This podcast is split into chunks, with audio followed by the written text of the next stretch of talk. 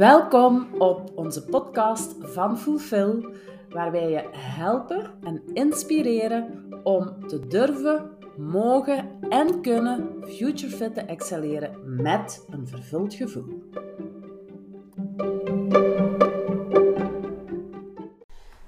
Sammy, blij u vandaag hier bij mij te hebben, want wij gaan het vandaag over toch wel een, ja, eigenlijk wel een heel serieus thema hebben, bestaansrecht. Mhm.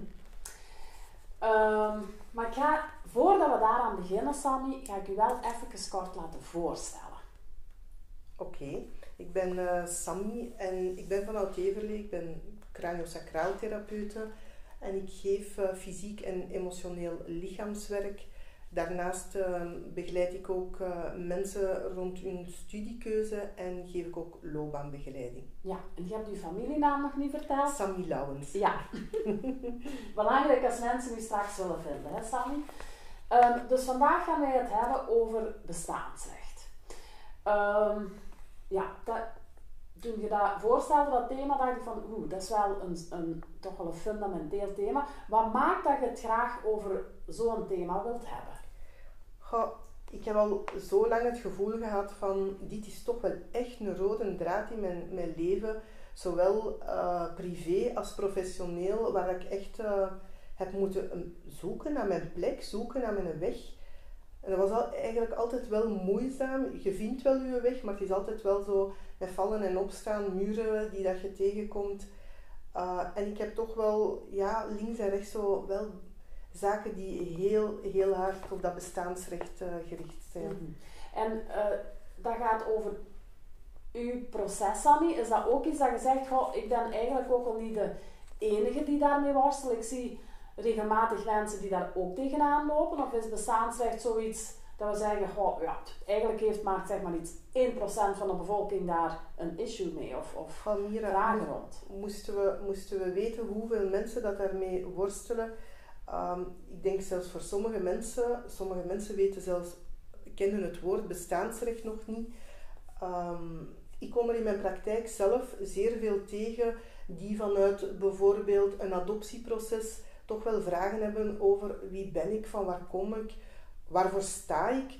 Uh, wat is er eigenlijk gebeurd? Waarom, waarom besta ik? Um, maar bij adoptie is het wel heel duidelijk natuurlijk. Ik denk dat iedereen daar wel ziet van oké, daar is bestaansrecht ja, echt wel een, een thema. Hè? Mhm.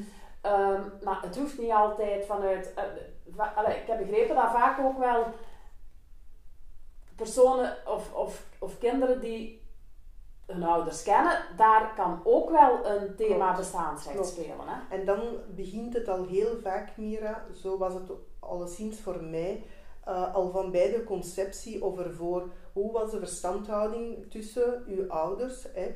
Hoe, hoe is dat tot stand gekomen? Hoe ben jij tot stand gekomen? Is dat uit liefde gebeurd? Is dat niet uit liefde gebeurd? Was dat een losse flirt? Was dat geen losse flirt?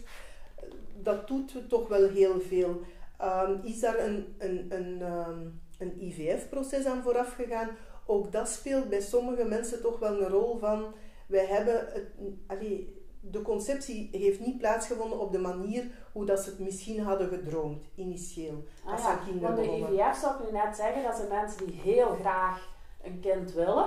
Enfin, bij adoptie ook, hè. Uh, maar dan hebben natuurlijk nog de biologische ouders waar ze vaak naar op zoek willen gaan. Maar bij IVF, ja, daar wilt je eigenlijk toch wel heel graag een kind. Dus je zou kunnen zeggen, ja, ik heb zeker bestaansrecht. Want ze hebben, uh, ik weet niet wat, wat allemaal... Uh, ja, en, extra moeite voor gedaan. En toch het stukje, het feit dat er een stukje manipulatie bij te pas komt, zou voor sommige, sommige mensen toch wel. En met manipulatie bedoelt je dat er de gebruik wordt gemaakt van de wetenschap, hè? Ja, oké. Klopt. klopt. Um, ja, we hebben vooraf natuurlijk al eventjes uh, gesproken over het thema bestaansrecht. En ik vond uh, wel frappant voor mezelf, want ik weet bijvoorbeeld dat. Uh, ze eigenlijk dachten of verwacht hadden dat ik een jongen ging zijn. Oké.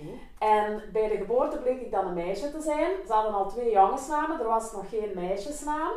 En als je het dan hebt over bestaansrecht, ja, dan werd, mij, werd het voor mij ook al ineens een aantal dingen duidelijk van, ah tja, dat heeft bij mij eigenlijk toch ook wel een impact gehad het feit dat ze eigenlijk verwacht hadden dat ik een jongen ging zijn en dat ik uiteindelijk een meisje was. Dus zijn eigenlijk van die dingen die je ook bedoelt. Klopt, klopt. Omdat daar toch wel een energie en een bepaalde setting is van in het begin en uw ouders gaan dat wel aanvaard hebben, maar op een gegeven moment moet zij moeten ook die klik maken en daar gaat ook wel tijd over.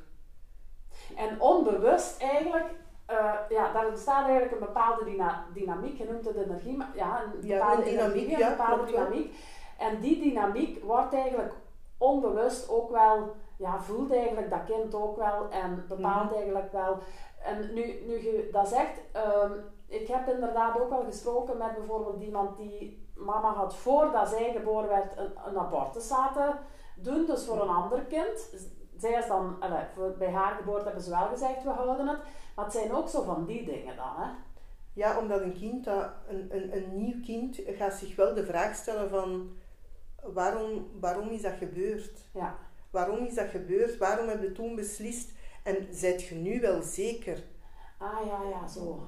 Ja. Mag ik wel bestaan? Ja. En eigenlijk dat kind, dat, dat het meer is, dat zit eigenlijk nog in dat systeem. Want dan zijn we eigenlijk ook een beetje systemen aan het kijken. Ja, hè? ja. Mhm. oké. Mhm. Ja, het gaat... Ah, ja, en bijvoorbeeld ook, stel dat je bijvoorbeeld uh, een broer of een zusje hebt dat overleden is. Jij komt daarna, kan dan daar op dat bestaansrecht ook al een impact hebben. Omdat daar ook weer een dynamiek heerst van, dat is een verlies. En in de mate waarin dat, dat verlies een plek krijgt, als dat verlies geen plek krijgt, dan heeft dat kind, dan nieuw, de nieuwkomer, het gevoel van oei, hier mist iets. En die kan dat vaak ook niet pakken, maar daar, daar komt dan wel een issue rond bestaansrecht en, en, en ook plek. Welke, welke plek neem ik in, in mijn ja, bestaan? Ja, absoluut. Wie, wie heeft welke plek daar? Waar ga ik staan? Ga ik op mijn eigen plek staan? Het zijn allemaal onbewuste processen, Mira, maar het gebeurt wel.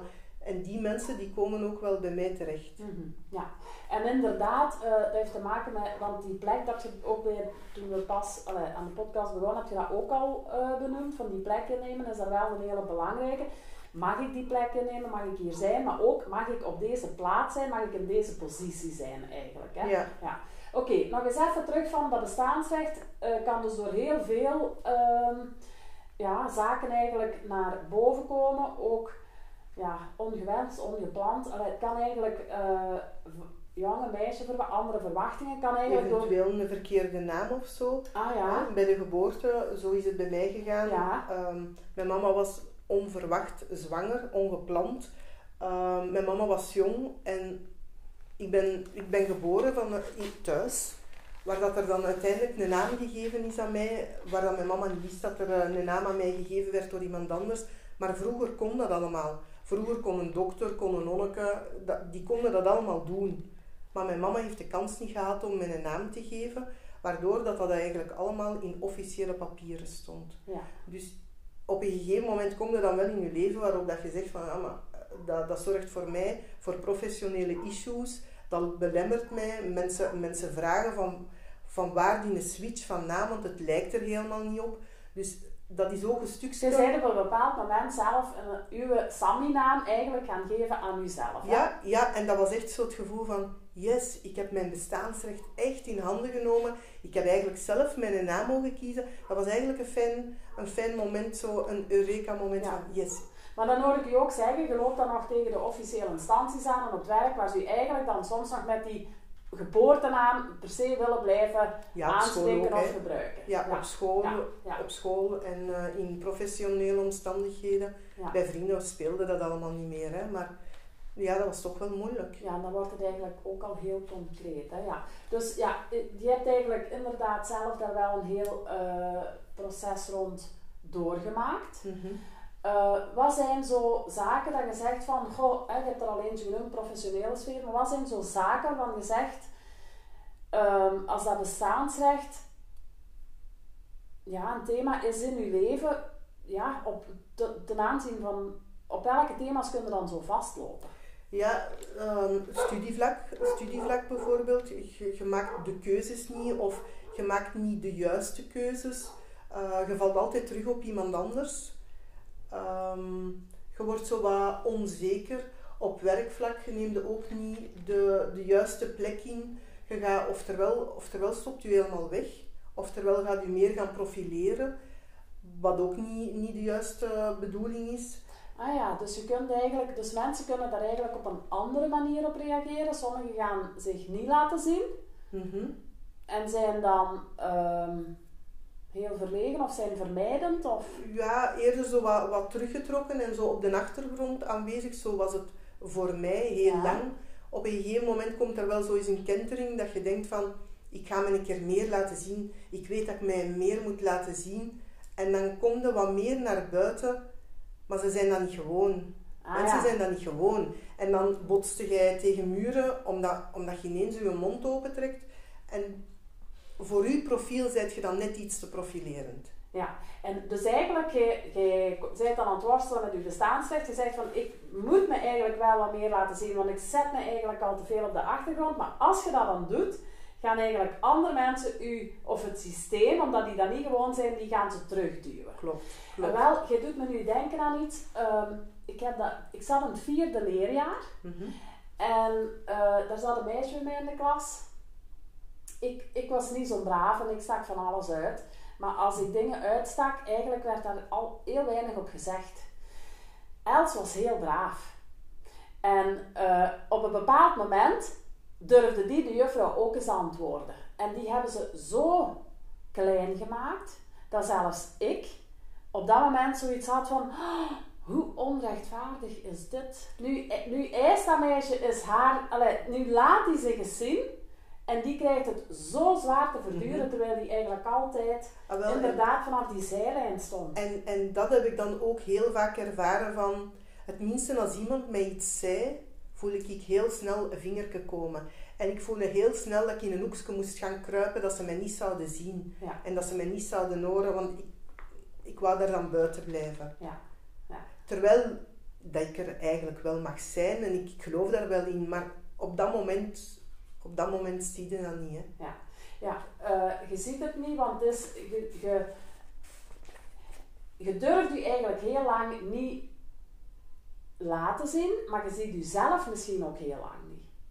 Dat klopt. Dat was voor mij wel een moeilijke. Toen, toen dat ik zelf ook in, in begeleiding ging tijdens mijn proces, dan dacht ik, allee, mezelf zien, hoe doe je dat nu?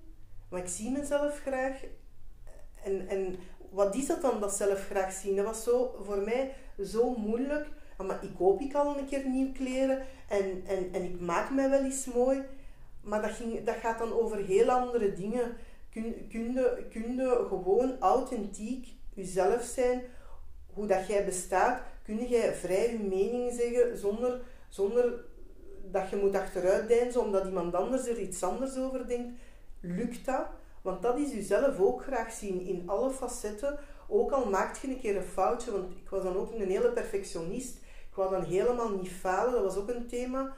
Het falen, hè. Je, je, wilt, je wilt zo hard ehm, dat ze je wel zien, dat ze je wel horen, waardoor dat je ook perfectionistisch in het leven staat. Je wilt niet falen, dus je doet keihard je best. En dat heeft wel implicaties op de werkvloer. Mensen die keihard hun best doen, Mira, ik ga het u niet moeten zeggen, je gaat er heel veel hebben, die dan daarin te overgaan, ehm, die dan in eh, overspannenheid, over vermoeidheid, om dan te zwijgen Even. over bore-out, Mhm. burn-out, eh, terechtkomen. Dus ja, Oké, dus ik hoor eigenlijk zeggen, een beetje eh, doorschieten een aantal zaken. Ik heb nu bestaansrecht gehoord, ik heb gehoord perfectionisme. Als ik dat goed begrijp, goh, kan dat inderdaad wel ja, samenhangen toch wel. Hè? Zit daar een sterke link tussen. Maar wat ik ook wel tussen de regels heb gehoord, is een stukje please gedrag. Ja, ja, sowieso, Ja. sowieso. Want dat is dan een overlevingsmechanisme. Hè. Als ik mijn best doe, dan gaan ze mij wel zien. Dan gaan ze mij wel horen. En En iedereen moet mij ook graag zien, is dat dan ook? ga, nee, voor, Nee. Voor, allee, dat kan. Ja. Bij sommige mensen is dat zo, maar die zitten dan ook gewoon al met een minderwaardigheidscomplex. Op zich hoeft dat niet altijd zo te zijn. Dus bestaat het, het, het dingen van, oké, want dat vind ik ook een interessante. Dus eigenlijk hoor ik u zeggen, het is niet omdat je het gevoel hebt van ik heb hier geen bestaansrecht, dat dat automatisch samenhangt met een minderwaardigheidscomplex. Nee. Dat hoeft niet Nee, te zijn. nee, voor mij niet. Ja. Voor mij niet. Nee. Maar ik weet wel dat ik gaan pleasen ben. Ja. Ik, ik heb heel hard mijn best gedaan. Want ja, ze hoorden dat thuis. En ik wou, ik wou dan thuis, dat was dan ook, ik, ik wou dan thuis eigenlijk niemand tekort doen, want mijn twee belangrijke pijlers, mijn mama, mijn bomma, stel dat die wegvallen, wie is er dan nog voor mij? En wie ben ik, ik alleen op de wereld? Ja, en zo, zo ben ik dan ook wel een stukje in het verhaal gekomen van dat mijn papa volledig uit de picture gebleven is, dat ik die niet ken, mij maakt dat niet. Maar op een gegeven moment speelt dat wel, omdat je dan helemaal alleen op de wereld komt te staan. En dat je dan wel eens door, vinger, allee, door vrienden op de vingers getikt wordt. Maar Sammy, wat blijf jij studeren? Je gaat je antwoorden daar niet vinden. Je bent op zoek naar jezelf. Je bent op zoek naar wie dat je werkelijk bent. Dat was wel een binnenkomer. Mhm. Dat was wel een binnenkomer. En daar ben ik echt wel op zoek gegaan van, oké, hoe komt dat ik besta? Dat, dat, is, dat is nog een partij. En, en zo ben ik dan eigenlijk op zoek gegaan naar mijn papa. Wat mij eigenlijk heel veel gebracht heeft, ook om opnieuw mijn juiste plek in te nemen. Mhm. Want ik stond altijd naast mijn mama of naast mijn bomma Ja. op een volwassen plek. Ja. Dus dat gaat terug over die positie, hè? Welke Ja. positie moet ik Ja. innemen? Ja. Oké. Eh, als het gaat over posities en welke plek neem ik in, dan heeft dat ook een invloed, neem ik aan, eh, op relaties in het algemeen. Ja, dat lukte, dat lukte heel moeilijk. Dat lukte heel moeilijk. Ik had, ik had vriendinnetjes of vrienden, maar dat was heel beperkt. Ik was altijd zo wel een buitenbeentje. Ik was bezig met andere zaken dan waar dat zij mee bezig waren, vaak met volwassen zaken. Ik zat meestal zo vijf jaar vooruit. Drie tot vijf jaar vooruit was voor mij geen probleem. En vooral op emotioneel vlak. Oh, mentaal ook. Mentaal Ja, ook. emotioneel mentaal vlak. Emotioneel en Ja. mentaal vlak. Ja. Maar dat maakt dus ook dat ik heel veel prikkels eh, ben tegengekomen in mijn vroege jeugd. eh, waardoor dat ik ook heel, heel snel later in het volwassen leven ook wel doorzicht had in zaken waar de anderen zoiets hadden van, maar Sammy, waar heb je het over? Maar ik, ik, heb daardoor een, een hooggevoeligheid ge- ontwikkeld, omdat ik heel snel met heel veel zaken ehm, geconfronteerd werd en, en heel jong ben volwassen moeten worden. Dus En- heeft u eigenlijk ook wel iets gebracht. Absoluut, absoluut. Mhm. Het, heeft mij, het heeft mij veel gebracht, het heeft mij ook heel veel inzichten gegeven. Het geeft mij ook de ruimte om, wat moet ik zeggen, Ehm, ja, als mensen bij mij komen, hun ook te voelen, hun ook echt te voelen en, en ook hun wel te horen in hun verhaal, hun ook te zien, want dat is voor veel mensen soms moeilijk, die, die komen wel eens bij u en, en die zeggen van ja, maar ik, ik heb al dat en dat gedaan en ze begrijpen me niet. Ja. Eigenlijk hoor ik u zeggen, als je geen bestaansrecht hebt, word je niet gezien, word je niet gehoord. Ik zorg ervoor in mijn therapeutisch kader dat ik er zeker ben voor de ander en dat ik de ander zeker ga zien en zeker ga horen. Hè? Ja, dat is een absolute Ja. must. eh, Ja. Zonder, ja, Ja. ja, dat moet erbij zijn. We zijn even een zijbocht aan het maken. Ik ga even terug naar ehm, het proces. Hè.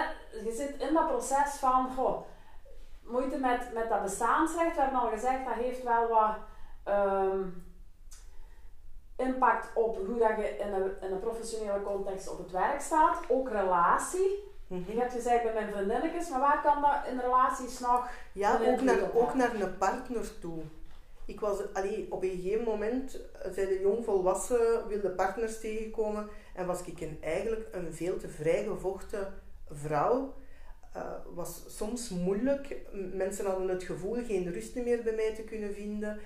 Eh, het was heel moeilijk. Ik kreeg ook heel vaak van mensen te horen: jij bent op zoek naar een papa.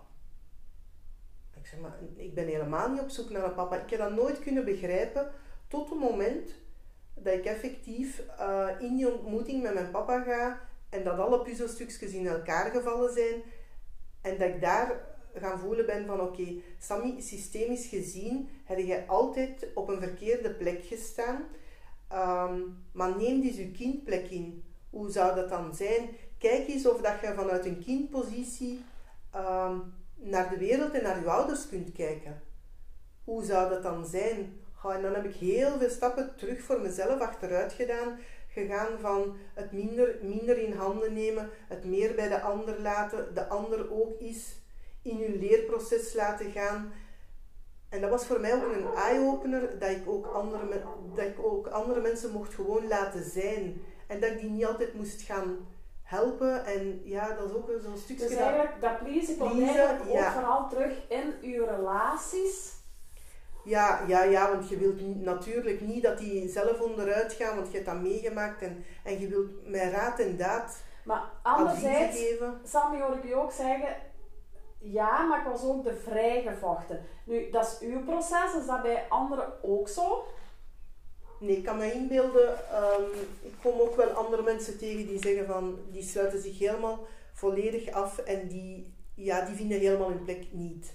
Ja, want dan komen we terug zo op dat, hoe manifesteert het zich soms hè, in het gedrag van, ja, ofwel ga ik mij terugtrekken, ik mag er niet zijn, heel verlegen vanaf de zijlijn, ik zie mezelf niet, waardoor jullie me zeker ook niet gaan zien, want ik zie mezelf niet. Maar anderzijds ook wel misschien in, het, in hetzelfde gedrag. Want bij u hoor ik u zeggen, enerzijds was ik aan de zijlijn, maar anderzijds ging ik ook wel af en toe profileren. Ja, geprobeerd hè. Geprobeerd profileren.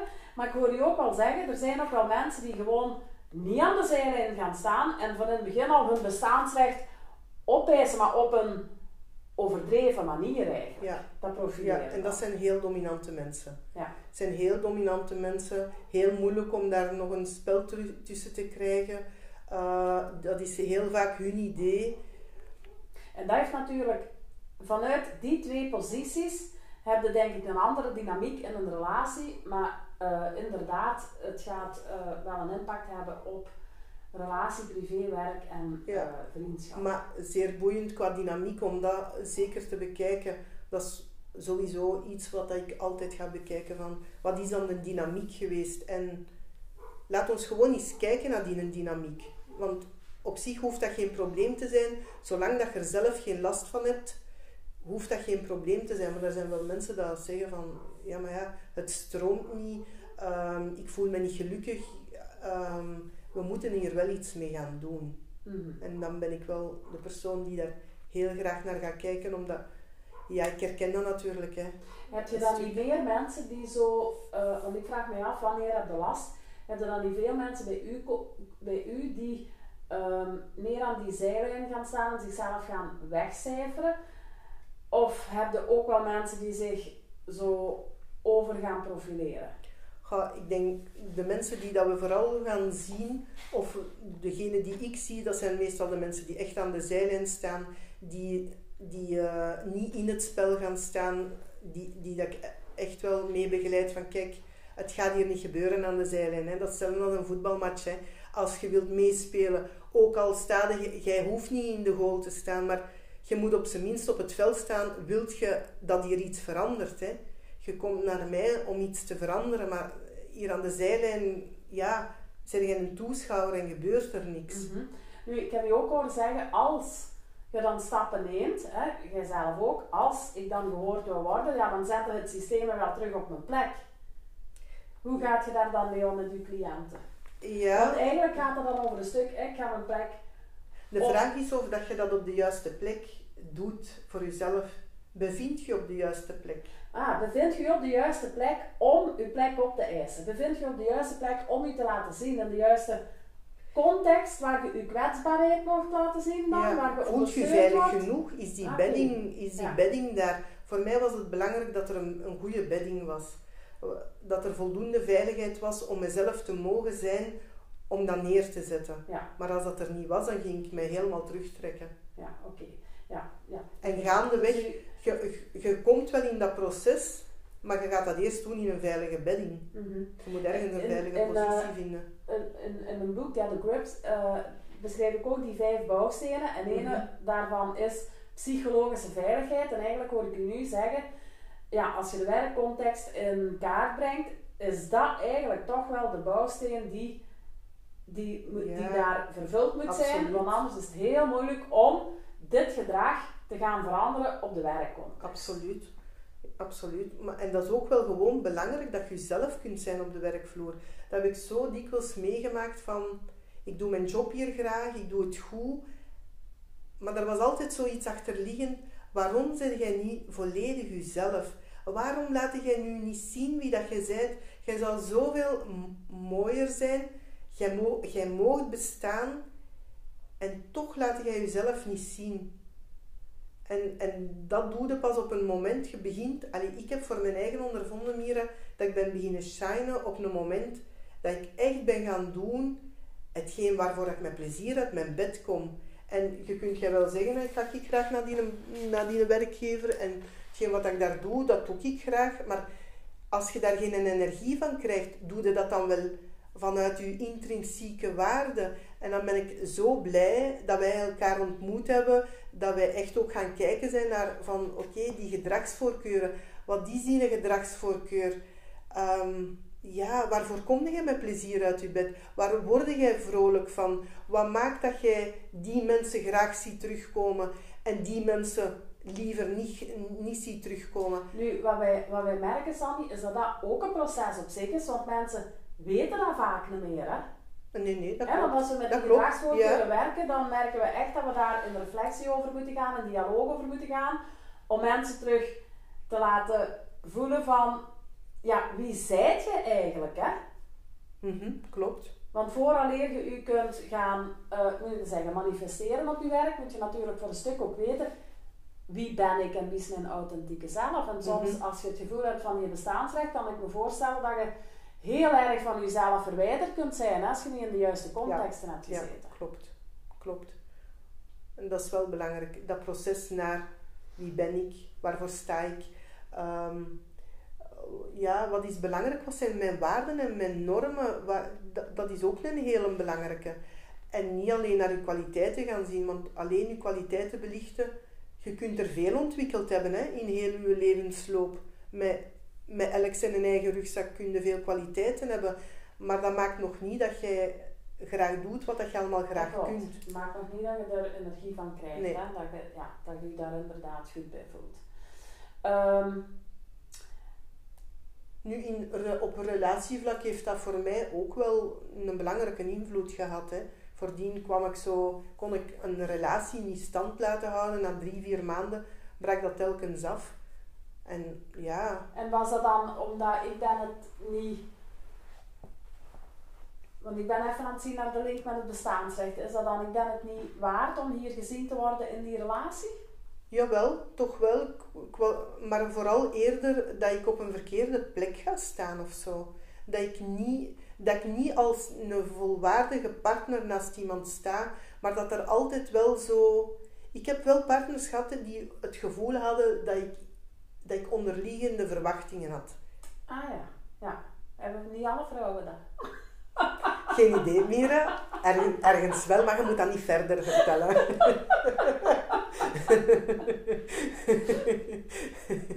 Mijn man zei tegen mij, je moet heel duidelijk zeggen wat je verwacht. En, ja, en dat is een tip die pas ik toe. En dat is, uh, dat is Ja, dat helpt wel. heel duidelijk zijn. Ja. Nou, mannen mogen heel duidelijk zijn, dat is waar. Oei, oei, je krijgt misschien een paar opmerkingen van mannen na deze podcast. uh, ja, wat bedoelt jij precies met die onderliggende verwachtingen? Ja, dat... Goh, um, ook weer het stukje van het claimende, maar je doet dat ook weer onbewust en Mira van, ja, je gaat me toch graag zien als ik dit of dat doe voor u. En, en, en er, er overdreven gaan staan. En ja, ik heb ook wel eens het verwijt gekregen van, ja, je zit te, te verstikkend, ik, ik wil wat meer ruimte. Ah ja, want, want je vaak zeggen, ik ben de, de, de was het, de, niet de, de, de losgeslagen moet ik nu zeggen, de... Um, de onafhankelijke vrouw, de vrijgevochten. Ja. Maar tegelijkertijd, want dat is ook een... een ja, dat is een, dynamiek van, van, van zo het stukje van de aan- en afstoten, van schrik hebben om alleen te komen te staan. En, en ja, ik, ik, ik heb schrik om alleen op de wereld te zijn. Dat is ook een stukje voor mij gelinkt aan dat bestaansrecht. Wat als ik alleen kom te staan in de wereld? Ja. Heb je is, dan dat niet nog... iets, is dat niet iets wat iedereen heeft? Zelfs iemand die, hoe moet ik nu zeggen, geboren is in een, in een heel welkom, met, met alle mm toeters en bellen eraan misschien, van eh, je bent heel graag gezien en... Uh, maar op het moment dat uw ouders sterven, denk ik dat iedereen wel voor een stukje wordt niet met het bestaansrecht, maar meer met het, ja, ik ben hier alleen en nu. En wie Ja, ben ik? Wie ja. ben ik nu Ja. hier alleen? Nee, maar dat volg ik wel. Ik ben ervan overtuigd dat iedereen er- daarmee kan worstelen. Maar voor mij voelde dat echt, ja, als zij weg zijn, dan, ja, wie is er dan nog? Ja. Maar effectief, even hoe andere mensen hè, dat daarmee kunnen worstelen, zeker weten. Zeker weten, als, eh, als uw vaste ankers rondom u wegvallen, eh, ja, dan staat uw grond toch wel een Ja, beetje te daveren. ja, hè? ook, ja, dat, dat wel. Hè? Maar natuurlijk, als je geen of het gevoel van ik heb geen bestaansrecht, dan ga je wel op meer fronten het gevoel hebben van misschien alleen te zijn. Hè? Ja, dat, Ja, ik heb me heel vaak alleen gevoeld. Ja, Ik heb me heel vaak alleen gevoeld. Dat, ja. En je wilt heel hard je best doen en je wilt vooral niet verliezen. Niet opnieuw verliezen. En wat bedoel je met verliezen? Ja. In de zin, niet in de zin van competitiviteit bedoel ik, maar in de nee, zin maar van... in, de zin van een relatie. Ah, je komt ja. iemand tegen en, en dat voelt goed. Ehm, ja, je wilt dat ook vasthouden. Ja, Maar dan een beetje te klampachtig of zo. ja, ja. En is dat aan relaties of is dat iets dat claimen dat je ook zegt, dat herken ik ook wel op een werkcontext? Ik ben er zeker van dat ik dat onderliggend op de werkvloer ook gedaan heb. Alleen was ik er me niet van bewust. Maar daar zit zo... Ze vroegen mij dat wel eens dan zo, als ik dan in mijn eigen proces zat van... We gaan nu maar eens na, je, hè, je, je vraagt iets, maar telkens als je iets vraagt, welke verwachting ligt daaronder? En dan moest ik toch wel eerlijk zijn met mezelf, Mira, dat ik toch hoopte eh, dat ik extra kansen kreeg, dat, ik, ehm, dat ze mij, ja, dat er toch wel iets extra voor mij in zat. Zonder dat jij het expliciet vroeg. Ik vroeg dus het ging eigenlijk gedrag stellen waarbij dat je hoopte, ze moeten het nu wel zien, zonder dat ik het benoem. Ja. Zo. Ja, Ja, alleen want ik heb dat en dat en dat en dat Ja. gedaan. Een ander maakt dat niet waar, maar ik maak dat wel waar. Daar gaat nu toch wel iets tegenover staan. Hè? ja. Terwijl, terwijl dat, dat initieel mijn bedoeling niet was, hè, Mira, maar dat zat er wel onder. En dat, was, allee, dat is wel confronterend en ook wel een eye-opener. Ik was er wel blij mee dat ze mij dat teruggegeven hebben. Van, Sammy, allee, je bent ergens opgegroeid, eh, en zo zijn er nog veel mensen, eh, met een tekort. Een, een, een, een tekort ergens aan, aan aandacht, aan liefde, aan genegenheid, aan een beetje affectie. Ehm, weet dat, je, weet dat, dat dat dan nooit nog gaat ingevuld worden. Je, moet niet streven naar dat vol glas, want dat glas, misschien zit je glas maar voor de helft gevuld. Wees blij dat dat, dat, dat er is en de rest gaat je zelf moeten aanvullen. ja. Vanuit een stuk accepteren wat er is, wat er geweest is. Mhm. En van daaruit eigenlijk eh, verder gaan. Ja. Ja, oké. Ehm, lo- loyaliteit, dat is ook nog zo'n woord. Ja, je zei overdreven. Allee, ik was voor mezelf toch overdreven loyaal naar anderen toe. Ook uit En- schrik om niet alleen te zijn dan. Ja, ja, om niet gezien... Allee, ik wou, ik wou toch wel gezien worden, gehoord worden. Ehm, ik wou niet dat er klachten waren. Ik wou zeker niet dat dat naar thuisfront zou gaan. Ja, Ja. Dus heel veel geven. Nu, dat zit natuurlijk in dat pleasen, loyaal zijn, claimen, zit daar heel veel natuurlijk geven, geven, geven. Ook wel onbewuste of onuitgesproken verwachtingen daartegenover. Ehm maar dan komen we ook al automatisch op een stukje grenzen stellen. ja, dat was, Assertiviteit? ja dat, was, dat was moeilijk. Ehm, ik zei heel vaak nee, Mira. En dat was dan ook wel fijn om dan achteraf iemand te hebben die zei, ja maar dat is allemaal goed en wel. Je hebt expliciet nee gezegd. Je hebt gezegd van tot hier en niet verder, want ik ga er helemaal onderuit. Maar waarom heb je nog verder gedaan? Waarom stelt jij je gedrag dat niet overeenkomt met je nee? En dus dan, je zei het wel, maar je deed het niet. ik Ja. deed het niet. Ja. En dan zit daar dat stukje loyaliteit, want je wilt, niet, je wilt niet dat ze in de problemen komen en het zal wel eens in orde komen. Uh, ik ben toch duidelijk geweest. Maar nee, dat, zo werkt het niet. Het is de blaffende hond. Ja. Hè? Wel blaffen, maar Ja. eigenlijk ja, die grenzen toch niet aangeven. Oké. Ehm, als we kijken naar thema's waar dat invloed op heeft, dan neem ik ook aan dat het al eerder begint dan werk en eh, dat ook al bij de studie van belang is. Hè? Sowieso. Sowieso. Want De juiste ja, studie maken. En daar zien we natuurlijk dat ouders ook heel veel Allee, zo moeten wij er toch vaak ook, die zeggen je moet dit of dat gaan doen. Wel bedoeld, hè Mira? Heel, heel wel vanuit een heel goede intentie, maar waarbij ze ook wel te weinig rekening houden dan met wat die jongere nodig heeft, wat die jongere wil. En eigenlijk, als ik uw redenering volg, is dat eigenlijk ook al wel een inbreuk op hun bestaansrecht. Ergens een stukje wel, want voor mij bestaansrecht is ook een stuk van... Ehm, hè, die mensen zijn, mogen dan wel bestaan, maar kunnen ze bestaan op hun authentieke, eigenwijze manier. En dat is ook niet onbelangrijk, want hè, je, je, hebt dan mensen die zeggen van ja, maar ja, je mocht jij doen wat je wilt, maar dat mag, dat zou, daar moeten uitblijven, daar moeten uitblijven. Je zou beter dit of dat doen. Ik heb dat al eens meegemaakt. Ja, allemaal wel bedoeld, hè maar het zet een rem op iemand zijn authentieke zelf. Ja, waarbij dat je altijd moet vertrekken vanuit die persoon zelf en wat die nodig heeft. Ja. Ja, oké. En dan ben ik heel blij dat er uh, op deze moment toch wel zoiets is als uh, studiekeuzebegeleiding. Mm hè, naast het mhm. CLB, die ook mooi werk levert. Hè, je gaat kijken van, oké, okay, wat, wat, die, wat, die, wat, is, wat is de bekwaamheid, wat kunnen die? Um, maar wat willen ze? Hè? Wat willen ze zelf? En, en, en voor wat komen die weer met plezier uit hun bed? Hè? Wat is hun gedragsvoorkeur? Hè? Ja, ik ben er zo, zo dankbaar voor, Mira. Ja, dat is voor mij, ja, dat hoort erbij, hè. Dat hoort erbij, hè. Vast, hè? Ja. ja. ja klopt. Oké, um, dus ik hoor je eigenlijk zeggen, want nu komen we, wil ik eens gaan zien van, oké, okay, je worstelt met je bestaansrecht, uh, wat zijn dan dingen die je kunt doen? En ik hoor je al zeggen, uh, weten wie dat je zijt, hè? op zoek mhm. gaan naar wie dat je zijt en wij begeleiden hen daarin in een loopbaancoaching of studiebegeleiding aan de hand van die gedragsvoorkeuren. Wat zijn nog zo zaken dat je zegt... Uh... Ik heb fysiek en emotioneel lichaamswerk gedaan, waar ik eigenlijk heel veel uit gehaald heb.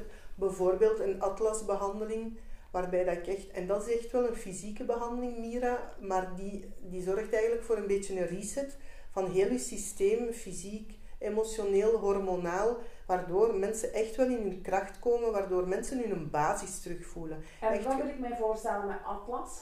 Een atlas is uw eerste halswervel. Oké. Ja, en, dus, en dan, zit daar heel, bij heel wat mensen zit daar echt wel spanning op, mm of zit er een asymmetrie of een whiplash op. Wat maakt 12 tot 15 jaar na datum van bijvoorbeeld een trauma dat mensen met uh, psychosomatische klachten beginnen te worstelen en niet weten van waar dat het komt. Mhm. En dat heeft voor mij ook heel veel op zijn plaats gebracht, omdat ik daar echt wel heel veel, oh, wat moet ik zeggen, mijn nek was dan op een gegeven moment een zwakke plek. En een zwakke plek is dan de juiste plek om andere spanning bij te installeren.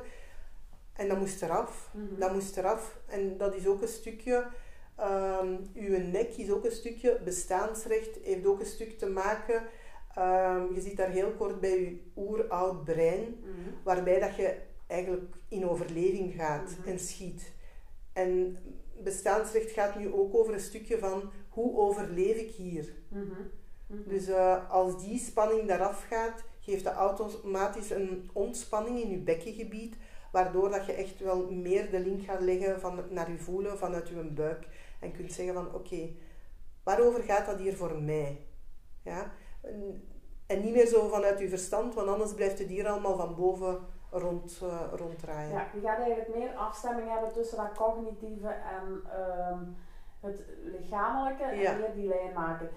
Uh, ik ben nog een postgraduaat contextuele gedragstherapie aan het volgen en daar hadden we het de vorige keer ook in over het dualistisch kijken naar de mens of het mono monotistes, zo noemen ze het daar.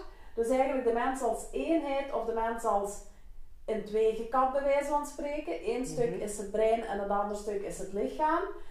Waar eigenlijk, want dat lijkt een beetje gek als we het misschien op die manier zeggen, maar de meeste mensen, en ook in, in de wetenschap en heel veel therapieën, werken nog zo. Hè? Die zien mhm. brein en lichaam Spijtig genoeg wel. als twee verschillende entiteiten. En eigenlijk hoor ik u zeggen dat uw lichaamswerk terug uh, de eenheid sowieso bekijkt, maar de mensen mhm. ook terug meer in contact brengt met die eenheid en niet de twee dingen apart. Voor, voor mij was dat ook belangrijk dat, dat het lichaam als één geheel werd bekeken uh, en dat ik ook naar een diepere ontspanning kon gaan. naar onbewuste, onbewuste processen gaan opzoeken. Uh, en dat heb ik dan gedaan via een opleiding craniosacraaltherapie. Natuurlijk, elke opleiding raakt sowieso aan uw eigen proces. Uh, maar dat heeft voor mij heel veel soelaas gebracht om echt um, naar het onderbewuste te gaan. Mhm. En echt zo de ontspanning te gaan opzoeken, de parasympathicus en niet altijd zo in het denken, in het denken te vervallen. Mm Gaat het dan juist ook over psychosomatische klachten? Is dat ook iets waar je bij je eigen uh, ja, ik heb, die nekklachten? Is dat ja, ook iets waar je zelf... Ja, hartkloppingen, uh, hoge bloeddruk, uh, vermoeidheid, spierpijnen, gewrichtspijnen, zenuwpijnen. Um, ja, ja, maar dus is dat dan ook bijvoorbeeld mensen die CVS hebben bijvoorbeeld? Of zijn dat... Ja, ah, wel. Ik kom daar ook heel vaak... Ja, CVS, fibromyalgie hebben... Dat zijn ook wel vaak mensen die... Maar ik weet niet of dat die worstelen met hun bestaansrecht, maar die worstelen toch met een bepaalde dynamiek die, die niet klopt voor hun of zo. Ja, ja. Maar of dat, dat dan over bestaansrecht gaat, dat wil ik hier buiten laten. Uh, maar die worstelen toch wel met een bepaalde dynamiek. Die zijn ook wel overdreven, heel vaak uh, perfectionistisch. Die zitten ook met dat please-gedrag. Uh, heel vaak, ja. Alert ook, denk ik, ja. de ontwikkeling. Ja. ja. Oké. Nog iets dat je wilt vertellen van... ja, oh, ik denk dat, wij al heel veel, veel gezegd hebben. Mm -hmm. um, ik weet niet of dat, dat jij nog aan iets dacht.